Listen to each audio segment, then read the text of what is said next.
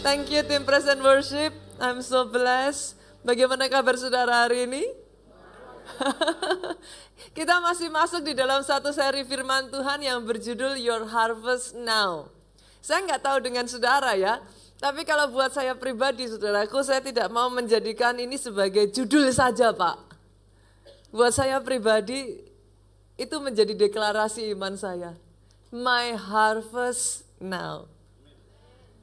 Doa saya itu yang saudara lakukan.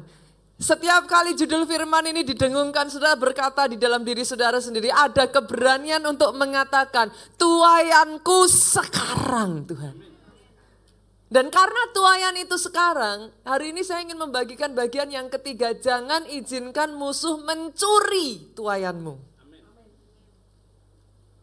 Kalau saudara percaya bahwa tuayan saudara sekarang, jangan izinkan musuh mencurinya dari hidup saudara.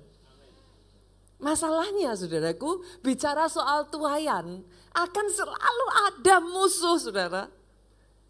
Akan selalu ada saja yang berusaha untuk membuat saudara tidak memperoleh tuayan saudara, menghalangi saudara sehingga tuayan itu tertunda, atau bahkan menghancurkan dan merebut tuayan saudara.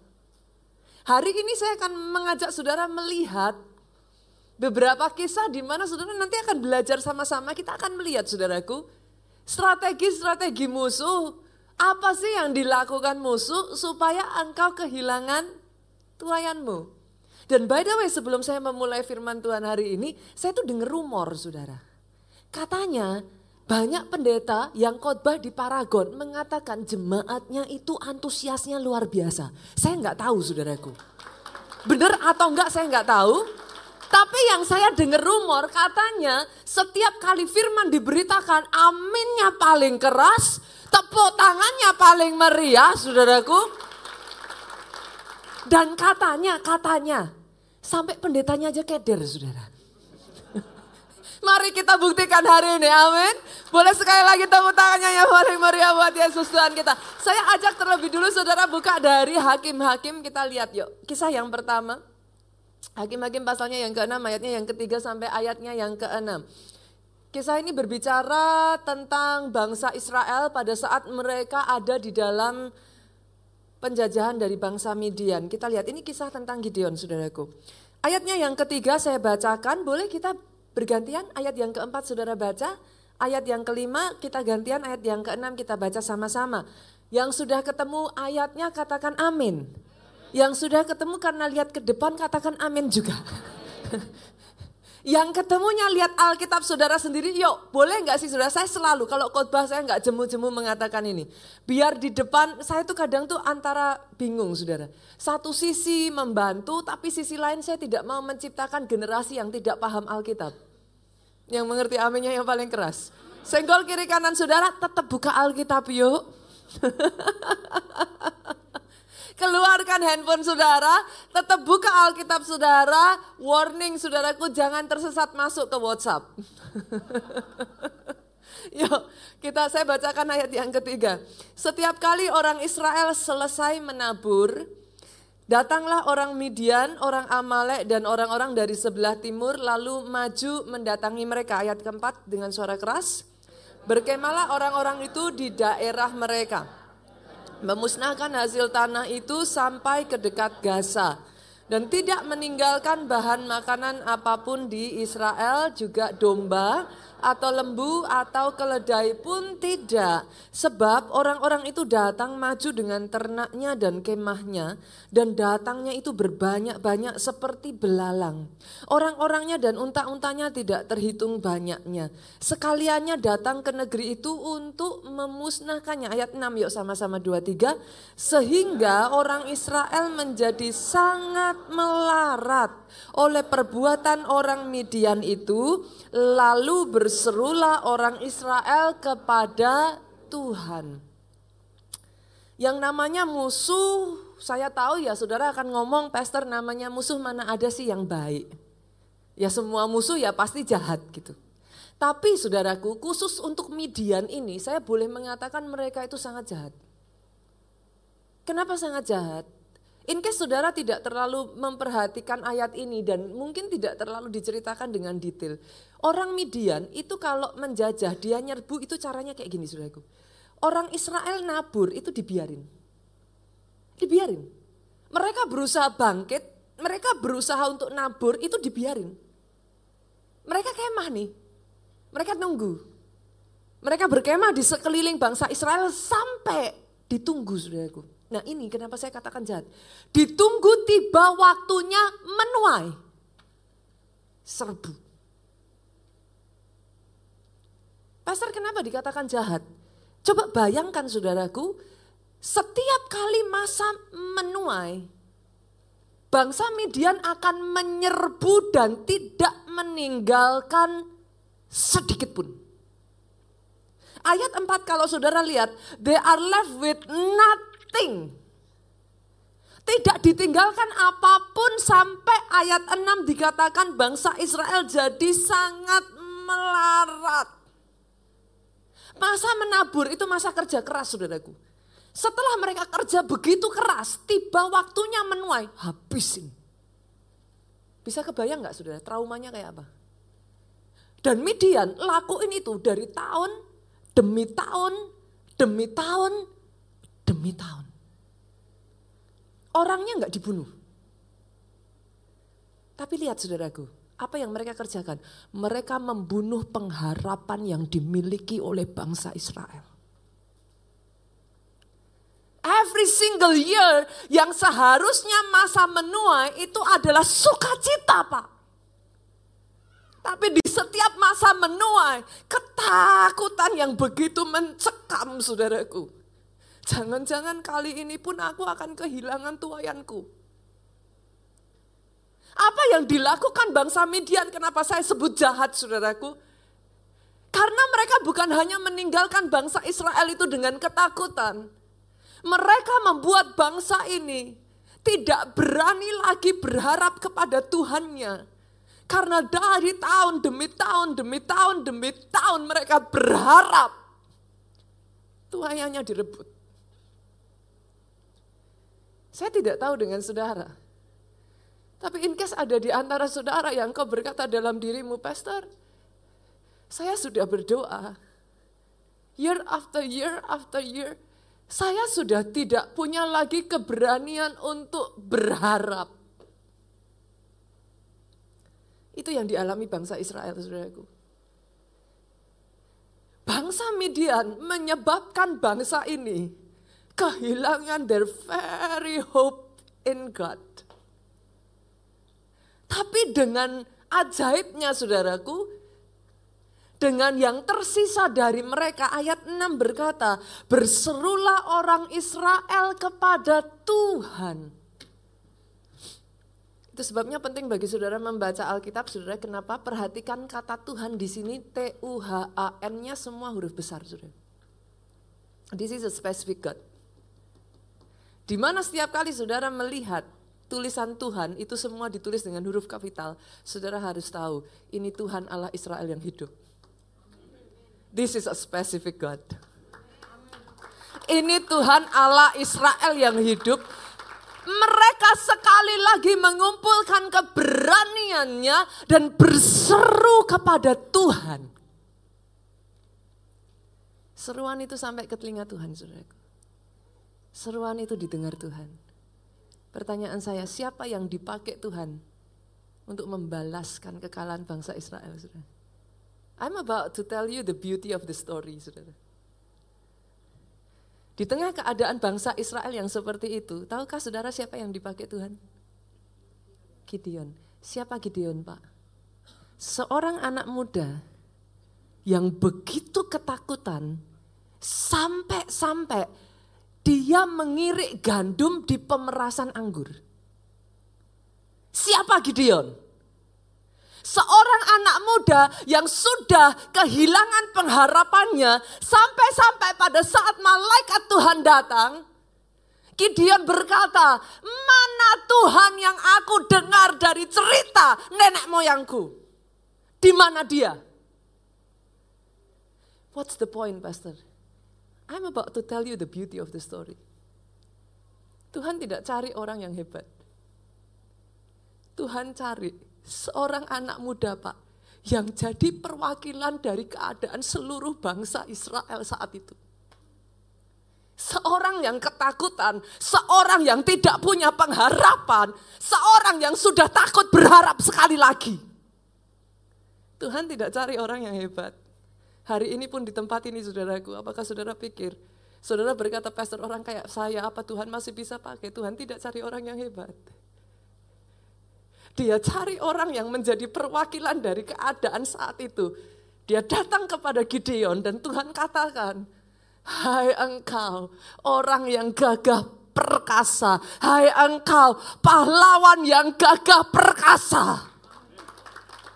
Oh come on. Oh come on.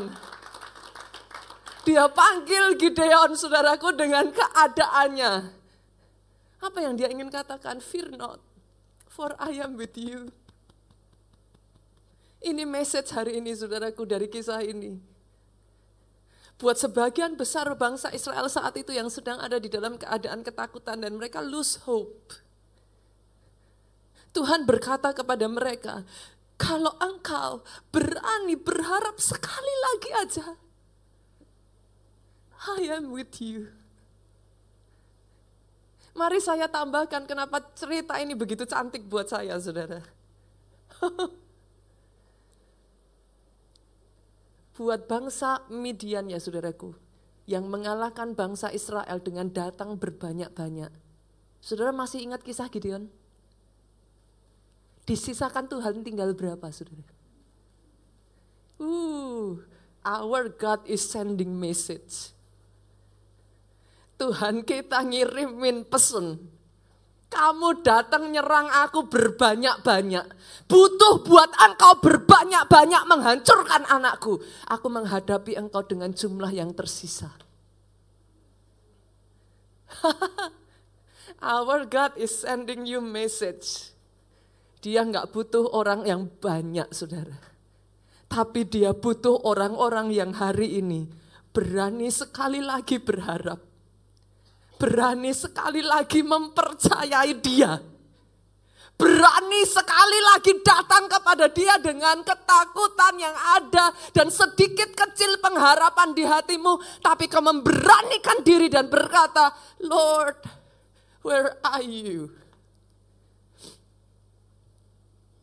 Dengan yang tersisa, dia strike Midian, saudaraku. That is the beauty of the story. Bukankah Alkitab saudara itu cantik?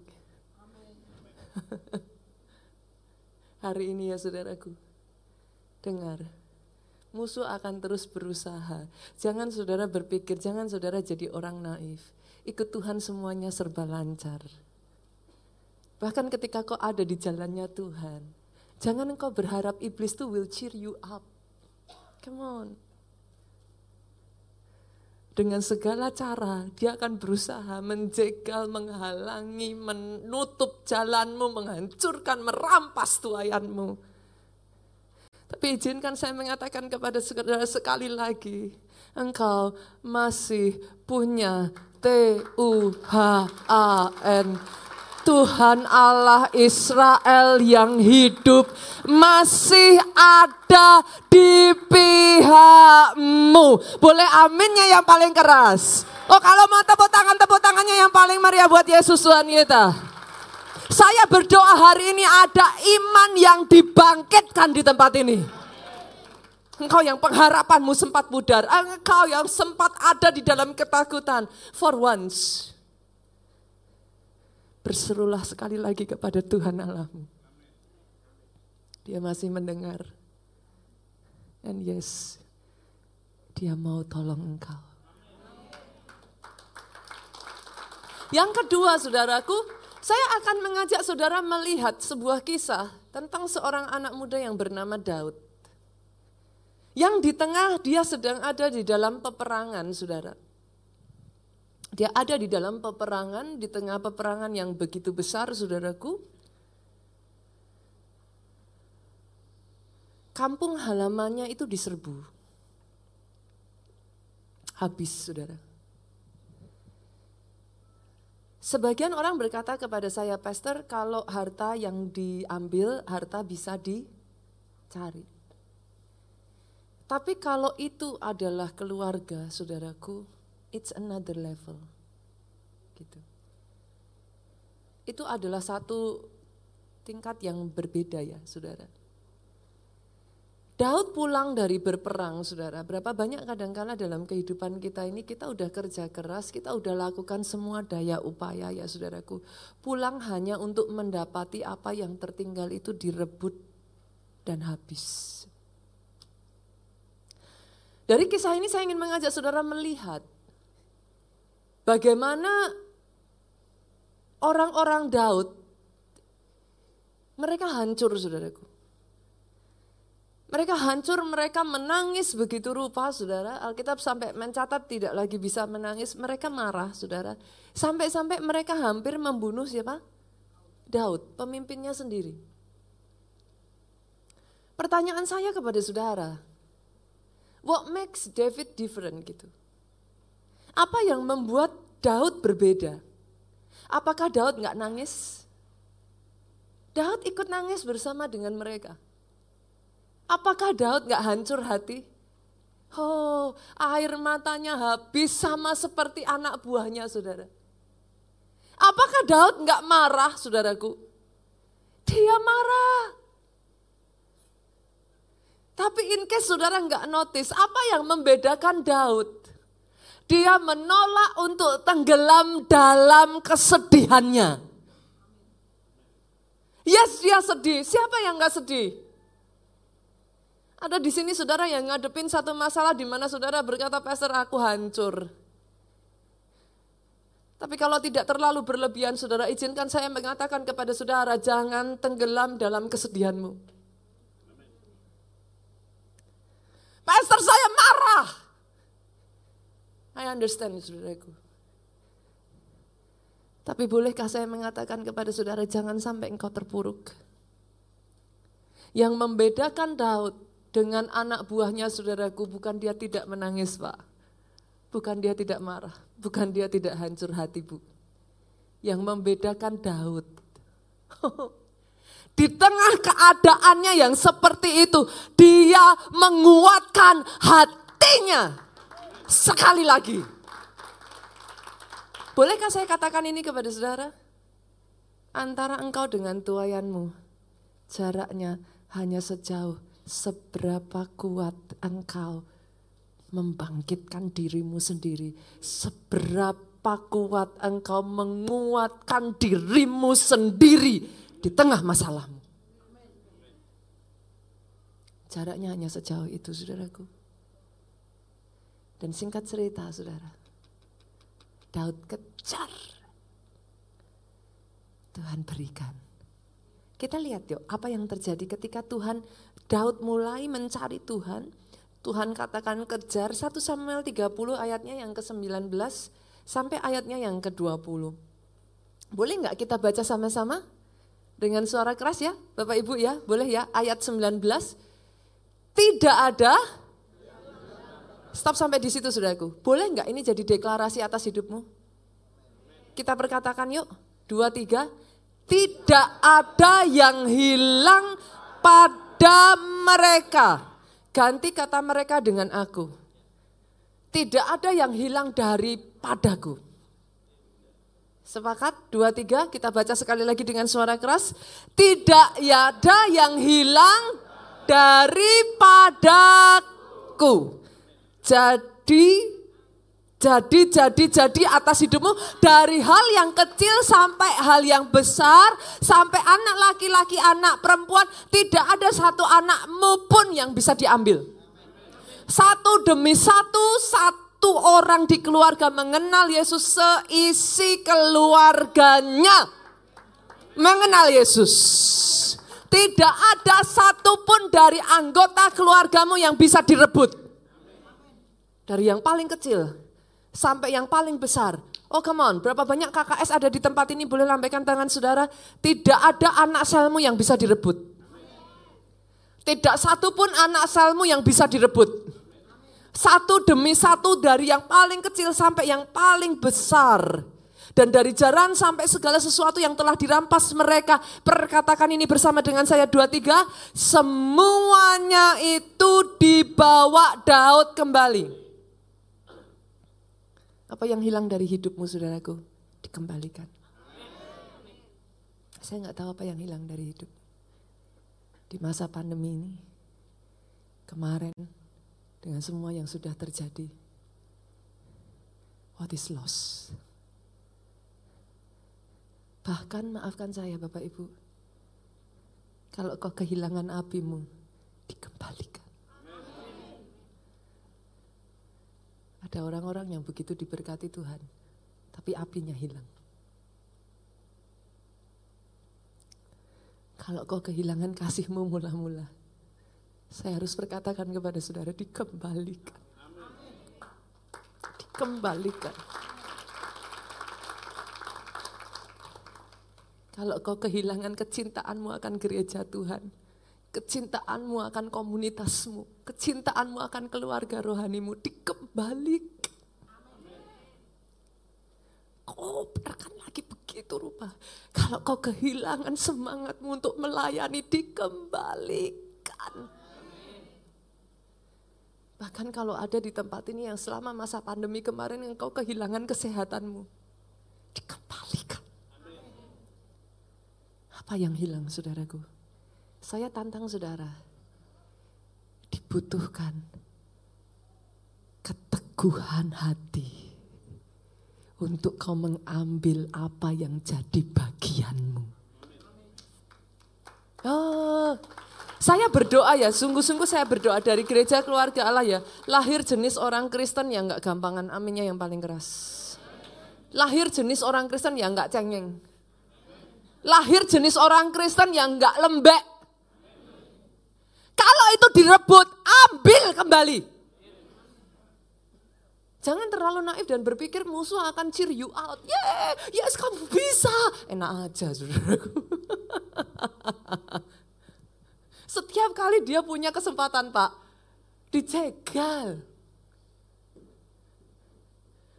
Apa yang saudara pikirkan? Saudara berpikir jalan menuju kesuksesan semudah itu. Yang ada saudara mundur, yang ada saudara nangis-nangis sama Tuhan, kenapa Tuhan izinkan ini semua terjadi? It doesn't work like that. Tidak ada satu sosok pribadi pun yang lebih menginginkan kau sukses selain daripada Tuhanmu. Karena di dalam semua kemenanganmu namanya dipermuliakan.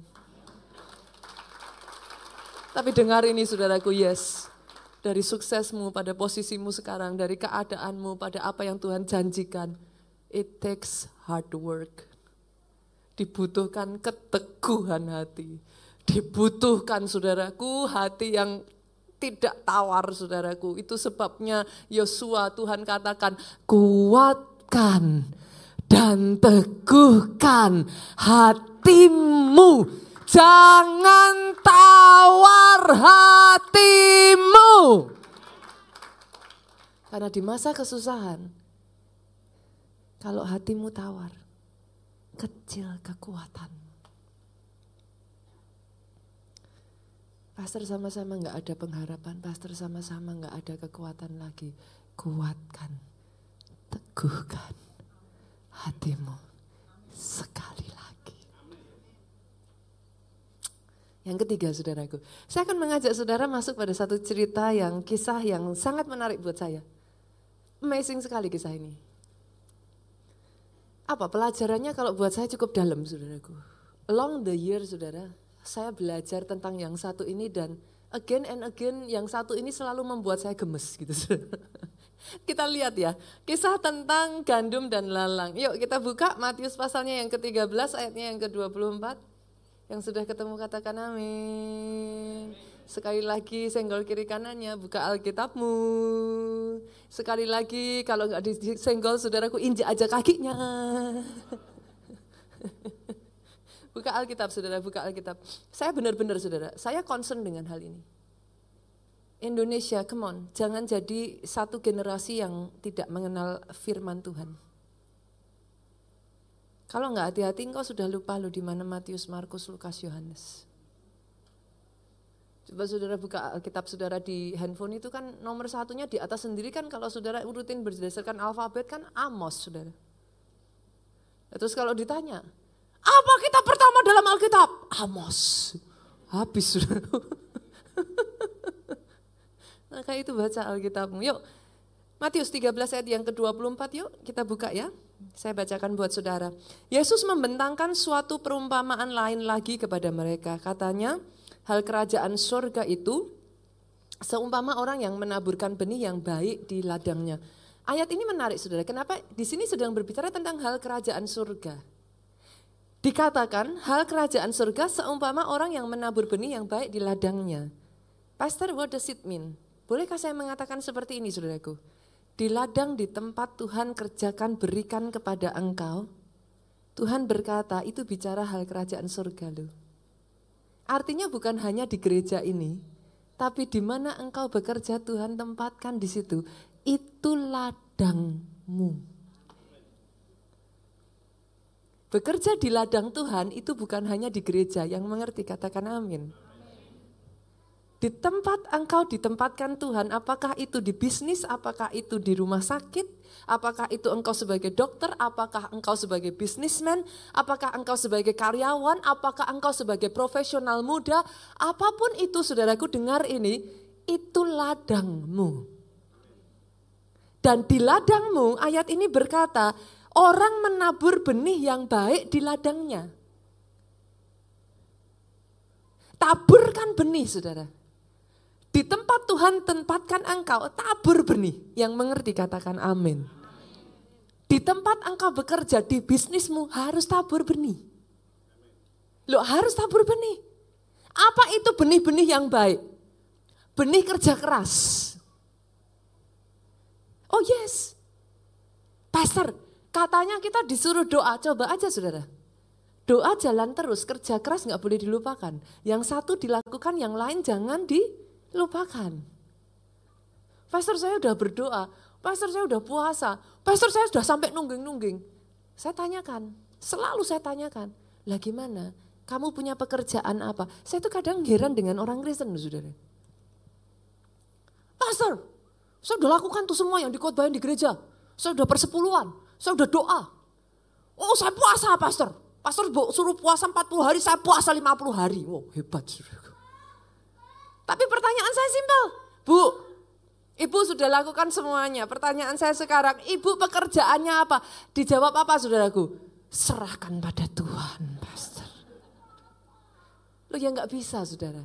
Yang satu saudara lakukan, yang lain jangan dilupakan. Taburkan benih yang baik. Tabur benih kasih. Tabur benih apalagi saudaraku? Apa? Apa? Benih apa lagi Bapak Ibu? Apa? Benih kebenaran. Satu demi satu benih yang baik ditaburkan di sana saudaraku. Nah hanya saudara sesuatu yang sangat unik terjadi. Terlepas dari semua yang sudah ditaburkan ini, saya berdoa saudara memahami hal ini ya. Oke, okay? once again, Terlepas dari saudara sudah tabur semua yang baik, pastor apa salah saya? Saya sudah tabur semua yang baik loh. Apa salah saya? Nah ini, buat saudara yang mempertanyakan, Pastor apa salah saya? Kita ajak, saya ajak saudara. Kita buka yuk, ayatnya yang ke-25 kita lanjutkan. Tadi Matius 13 ayat 24, sekarang kita masuk ayatnya yang ke-25. Tetapi pada waktu semua orang tidur. Maksudnya gimana Bu? Semua orang tidur. Pada saat tidur kita nggak ngelihat. Betul ya? Pada saat tidur kita nggak sadar. Pada saat tidur itu melambangkan titik lengah, saudara. Pada saat tidur, apa yang dilakukan saudara? Dua, tiga sama-sama kita baca yuk. Datanglah musuhnya menaburkan benih lalang di antara gandum itu lalu pergi. Jangan naif ya Bapak Ibu. Pastor saya sudah lakukan yang baik, kenapa Tuhan izinkan? Eh, hey, bukan Tuhan jahat. Tapi pada saat engkau tidur, pada saat kau nggak lihat, pada saat kau nggak sadar, ada musuh pak. Dia nabur. Nah, cuman saya ingin mengajak saudara melihat menariknya dari kisah ini dan saya nggak tahu apakah saudara perhatian. Pertanyaan saya saudaraku, musuh datang di ladangnya siapa? Katakan ladang saya. Oke, musuh datang di ladang saya. Ini jadi pertanyaan.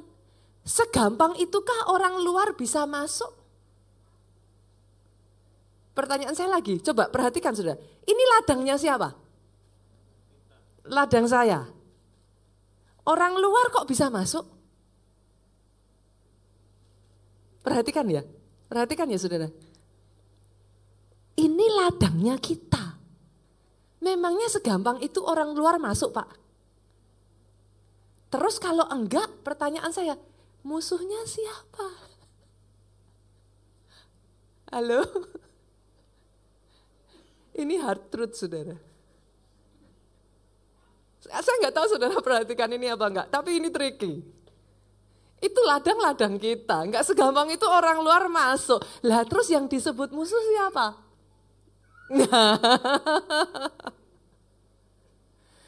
Maafkan saya ya Bapak Ibu, saya harus mengatakan ini, tidak semua orang yang bersama kita adalah kawan. Kadang ada itu musuh dalam selimut. Hard truth ya, hard truth ya. Ada udang di balik rempaya.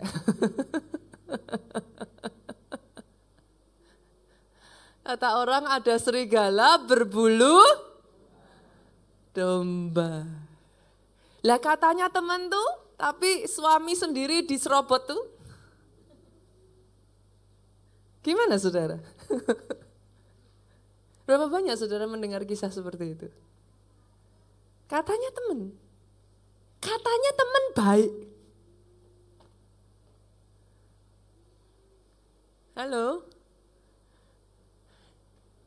Saya melayani di ladang Tuhan ini ya saudaraku mungkin sudah lebih dari 25 tahun ya saudara. Enggak berasa ya, sudah seperempat abad loh Pak. Umur tambah terus saudaraku. Tapi sampai detik hari ini, it cannot stop to amaze me loh. Seringkali saya pun masih nggak bisa recognize. Berapa banyak saya mengalami dalam hidup saya ya saudaraku orang yang mengatakan mengasihi saya, mulut yang sama yang mengatakan mengasihi saya, tapi dari orang yang sama yang mengacungkan tangannya dan menusuk saya dari belakang.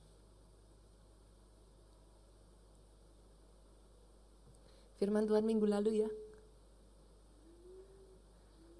Jangan izinkan itu membuat hatimu pahit. Jangan izinkan itu menghancurkan engkau. Tapi setiap apa yang Tuhan izinkan terjadi, biarlah itu membentuk engkau jadi pribadi yang spesial.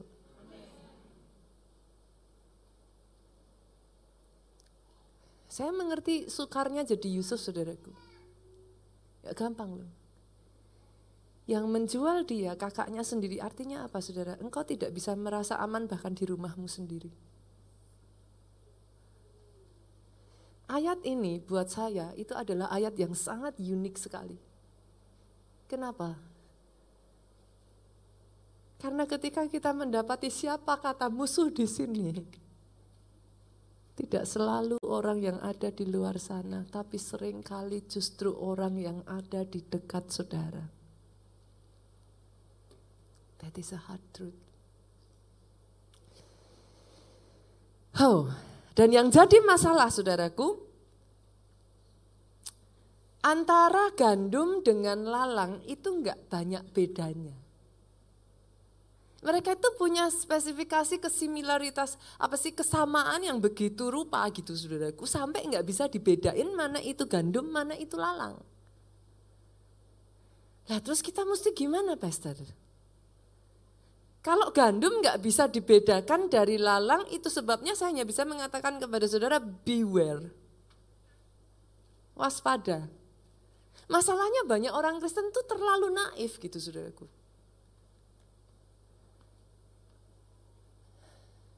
Dalam perjalanan saya mengikut Tuhan ya saudaraku. Dengan sangat disayangkan saya belajar satu hard truth ini saudaraku. Jangan pernah percayakan hidup saudara kepada manusia. Andalkan Tuhan. Oh kalau mau tepuk tangan, tepuk tangan yang paling meriah. Saudara tahu Pastor EAA Deboye ya saudaraku di dalam apa yang sudah mereka alami ya 17 juta jemaat coming dia terakhir saya datang ke Nigeria itu ditulis besar-besar visinya mereka sudah 40 juta jiwa saudara. Amazing. Ketika dia diwawancara CNN, CNN bertanya kepada beliau, saudaraku, apa satu pesan yang kau bisa berikan kepada orang Kristen? Saudara tahu apa yang dia katakan? Ketika saya dengar dia ngomong itu, saya langsung netesin air mata, saudara. Karena kadang semakin engkau dibawa naik, nggak segampang itu. Sometimes it's a lonely path. Pastor Adeboye ketika diwawancara, ini yang dia katakan. Trust God only. Ketika saya dengar dia ngomong itu, saya nah, air mata saya netes. Karena orang yang sama yang mengatakan itu pernah hampir diracuni oleh orang terdekatnya sendiri.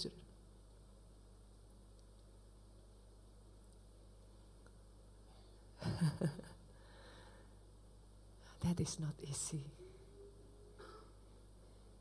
Tapi berapa banyak saya harus katakan kepada saudara, Tuhan mau engkau jadi orang-orang yang besar. Yes. And yes, you can endure it. Bisa kok. It will not gonna break you. It will not gonna make you bitter. It will make you special. Kita lihat ya saudara.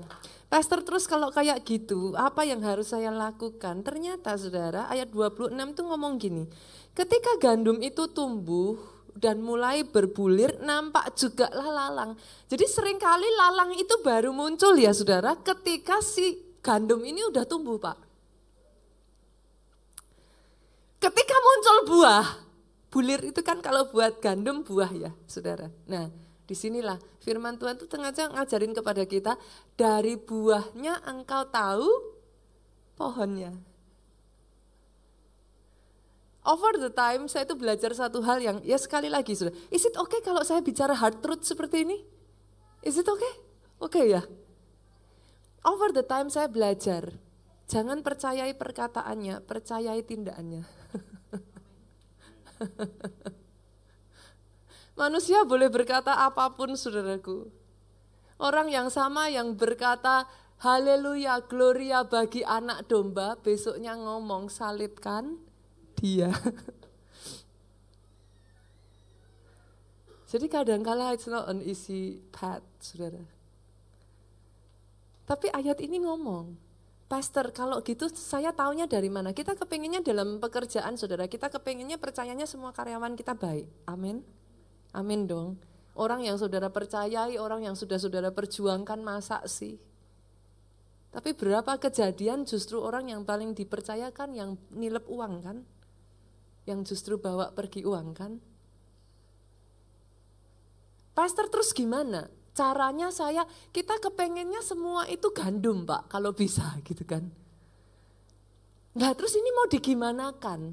Kita lihat ya saudara, ayat 27, sampai-sampai si hamba dari Tuhan ini nih penasaran datang sama tuannya dia ngomong, Tuhan bukankah benih baik yang Tuhan taburkan di ladang Tuhan? Tuhan kan naburnya baik, terus dari mana lalang itu? Tuannya jawab ayat 28. Jawab Tuhan itu seorang musuh yang melakukannya. Jadi jangan kaget ya, mulai dari sekarang jangan kaget ya Bapak Ibu yang mengerti katakan amin. Ketika itu terjadi, yang pertama jangan salahkan Tuhan, aminnya yang paling keras. Ketika itu terjadi, jangan berkata kenapa Tuhan izinkan. Sekarang sudah mengerti ya? Dalam kehidupan kita adalah pertandingan iman. Itu sebabnya. Kenapa saudara bertekun dalam ibadah setiap hari minggu? Kenapa saudara bertekun komsel? Kenapa saudara bertekun baca firman? Bertekun beribadah, bertekun saat teduh. Kenapa saudara? Imanmu harus kuat. Dalam pertandingan iman, imanmu harus kuat. Karena yang namanya masalah, tantangan. Oh, tembok. Semua musuh itu akan datang menyerbu engkau. Dan itu only normal, itu wajar. Tapi kalau imanmu kuat, kokoh, satu demi satu masalah kau lampaui. Pada saat kemenangan demi kemenangan terjadi, nama Tuhan dipermuliakan. Nah ayat ini ngomong saudara, 28 ngomong, seorang musuh datang, berkata hamba itu kepadanya, jadi maukah Tuhan supaya kami pergi mencabut lalang itu? Loh sudah ketahuan. Tuhan mau dicabut enggak? Masalahnya satu lalang dicabut, gandumnya kena. Lalu apa yang dilakukan Tuhan itu saudara? Tetapi ayat 29 ia berkata jangan sebab mungkin gandum itu ikut tercabut pada waktu kamu mencabut lalang itu. Gandumnya belum mateng saudara. Lalangnya saudara cabut, gandumnya ikut tercabut, dia nggak jadi mateng. Saudara mengerti yang saya maksudkan? Nah, kenapa kasus ini jadi gemesin saudara? Jadi satu pertanyaan buat kita. Pastor, ngomong-ngomong saudara notice nggak? Ternyata adanya lalang itu tidak membuat si gandum nggak bisa tumbuh loh pak. Saya tanya, tadi ada lalang nih, gandumnya tetap tumbuh nggak? Loh tumbuh. Loh jadi pertanyaan dong. Ada lalang, gandum tetap tumbuh, kenapa musuh taruh lalang? Kan nggak membuat gandumnya jadi nggak tumbuh. Pernah berpikir nggak? Kenapa musuh taruh lalang? Kalau toh gandum bisa tumbuh. Tahukah saudara, yang dinantikan musuh itu bukan masalah gandum itu akan hancur dari lalang. Tapi musuh menanti, engkau salah merespon, engkau emosi, engkau nggak sabar. Kau cabut tuh lalang belum pada waktunya, rusak gandummu.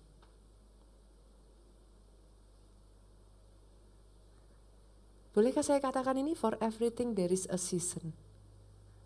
Untuk setiap keadaan ada waktunya.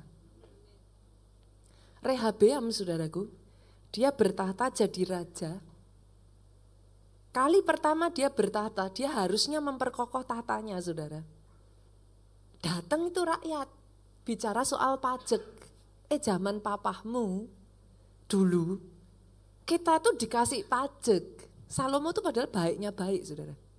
Di zamannya Salomo rakyat itu makmur. Dan di zamannya Salomo diem semua. Rehabiam naik mulai buka mulut. Zaman papahmu dulu ya kami diteken. Kasih kami keringanan. Lepaskan kami dari pajak, kami akan mengikut engkau. Rehabeam jengkel. Ini zaman papa dulu dia diem. Sekarang tiba-tiba ada provokator. Nah pertanyaannya saudaraku. Nah di sini titiknya.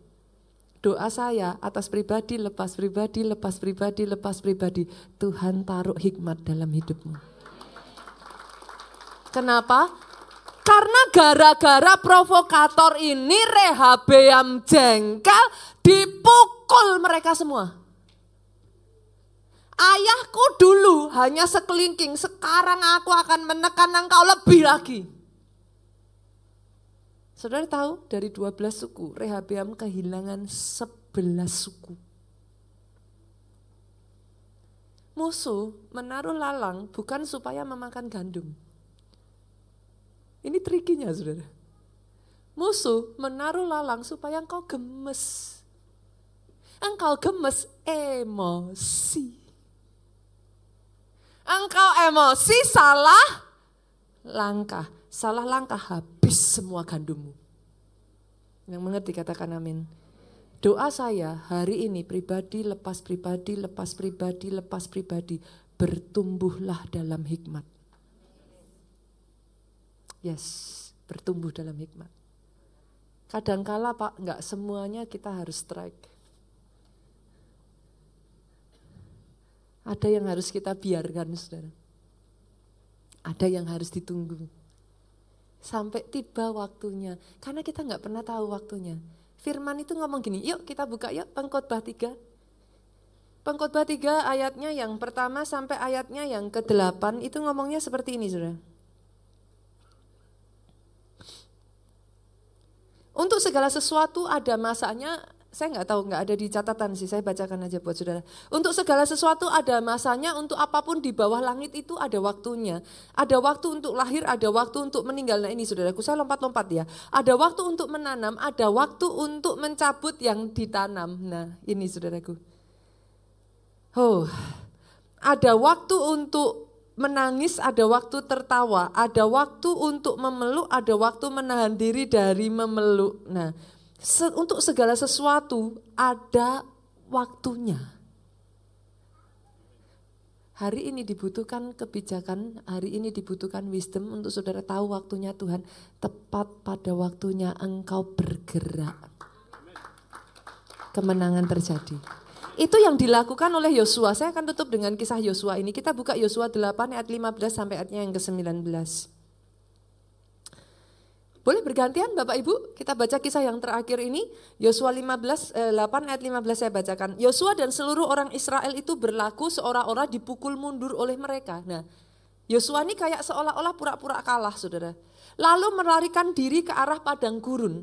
Ayat 16 dengan suara keras 23 Sebab itu semua orang yang ada di kota dikerahkan untuk mengejar apa? Orang Israel. Semua orang yang ada di mana? Di kota. Dikerahkan mengejar berarti mereka keluar atau masuk dari kota? Keluar dari kota. Kita lanjutkan. Maka mereka mengejar Yosua sehingga makin jauhlah mereka terpancing dari kota. Mereka pergi jauh tuh. 17, seorang pun tidak tertinggal lagi di Ai dan Betel yang tidak keluar memburu orang Israel. Mereka meninggalkan kota itu terbuka karena mereka mengejar orang Israel. 18 sama-sama. Lalu berfirmanlah Tuhan kepada Yosua apa? Acungkanlah lembing yang ada di tanganmu ke arah Ai, sebab aku menyerahkan kota itu ke dalam tanganmu. Maka Yosua mengacungkan lembing yang di tangannya ke arah kota itu 19 sama-sama. Ketika diacungkannya tangannya, maka segeralah bangun orang-orang yang bersembunyi itu dari tempatnya. Mereka berlari memasuki kota, merebutnya lalu segera membakar kota itu. Wow. Jadi kadang saudaraku mengalah tidak selalu kalah. Wow.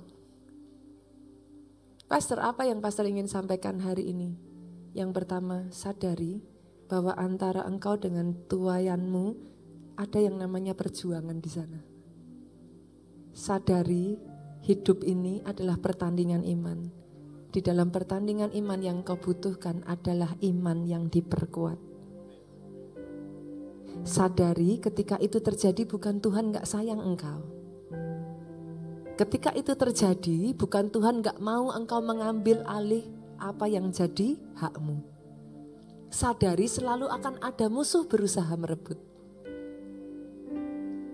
Tapi di antara engkau dengan tanah perjanjianmu, dengar ini saudaraku. Yang pertama, kuatkan dan teguhkan hatimu. Jangan tawar hatimu kisah Daud tadi. Yang pertama, kisah tentang Gideon apa saudaraku? Berani untuk bangkit sekali lagi, berharap sekali lagi, berjuang sekali lagi. Ini bukan saat engkau terpuruk. Percayai Tuhan sekali lagi. Bergerak sekali lagi, bangkit sekali lagi, rebut apa yang jadi tanah perjanjianmu.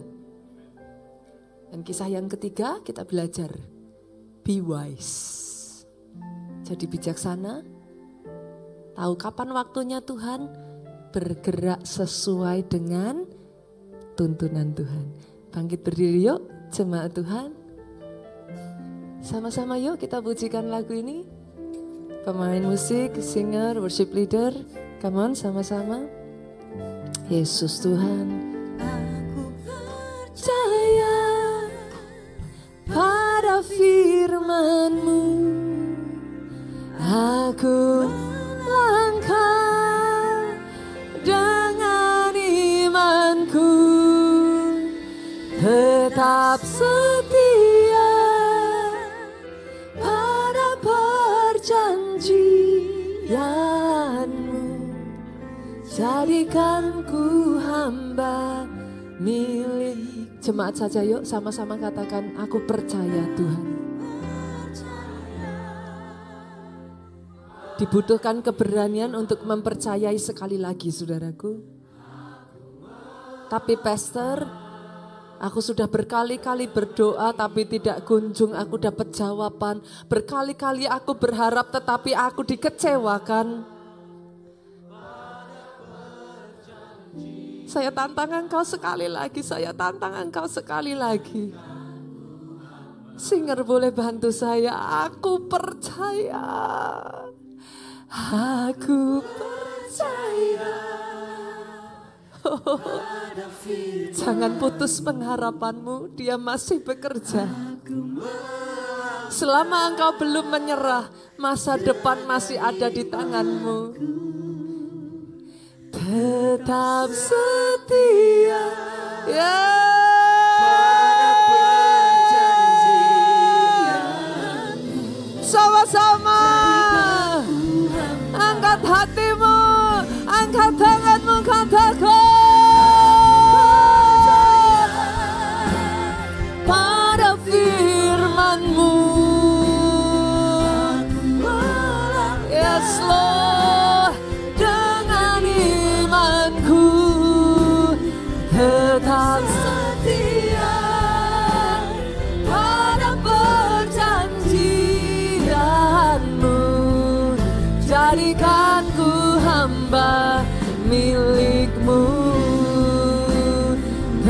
Tetap setia pada perjanjianmu jadikan ku hamba milikmu sekali lagi yang terakhir katakan tetap setia pada perjanjianmu jadikan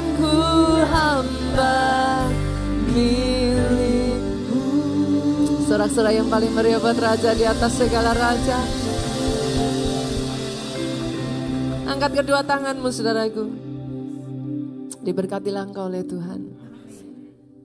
Diberkati keluargamu oleh Tuhan.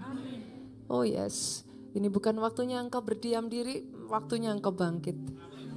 Buat engkau yang belum melayani, saudaraku bangkit lagi. Buat engkau yang rohmu mulai padam, saudaraku kobarkan kembali. Ini waktunya engkau bangkit, ambil kembali apa yang sudah hilang dari kehidupanmu. Aku perkatakan atas kehidupanmu, sehat tubuhmu. Dari ujung kepalamu sampai satu demi satu bagian yang ada di dalam tubuhmu. Ginjalmu, levermu, jantungmu, paru-parumu, ginjal. Satu demi satu bagian sampai ke kakimu. Baik adanya, sehat adanya. Bahkan aku perkatakan atas hidupmu, baik jiwamu. Oh yes, tidak ada kepahitan, tidak ada sakit hati, tidak ada kebencian, tidak ada kekecewaan. Baik jiwamu, sehat jiwamu, kuat rohmu. Bertekunlah di dalam doamu, bertekunlah di dalam engkau membaca firman, bertekunlah di dalam ibadahmu, bertekunlah di dalam kelompok selmu, tekun di dalam berpuasa, kuat rohmu, panjang umurmu untuk menceritakan segala kebaikan dan keajaiban Tuhan di dalam kehidupanmu. Pulang dari tempat ini saudaraku bahwa sukacita, damai sejahtera Allah Bapa, cinta kasih Yesus Kristus, persekutuan di dalam rohnya yang kudus sekarang sampai selama-lamanya engkau yang diurapi diberkati katakan dengan suaramu yang paling keras. Amin.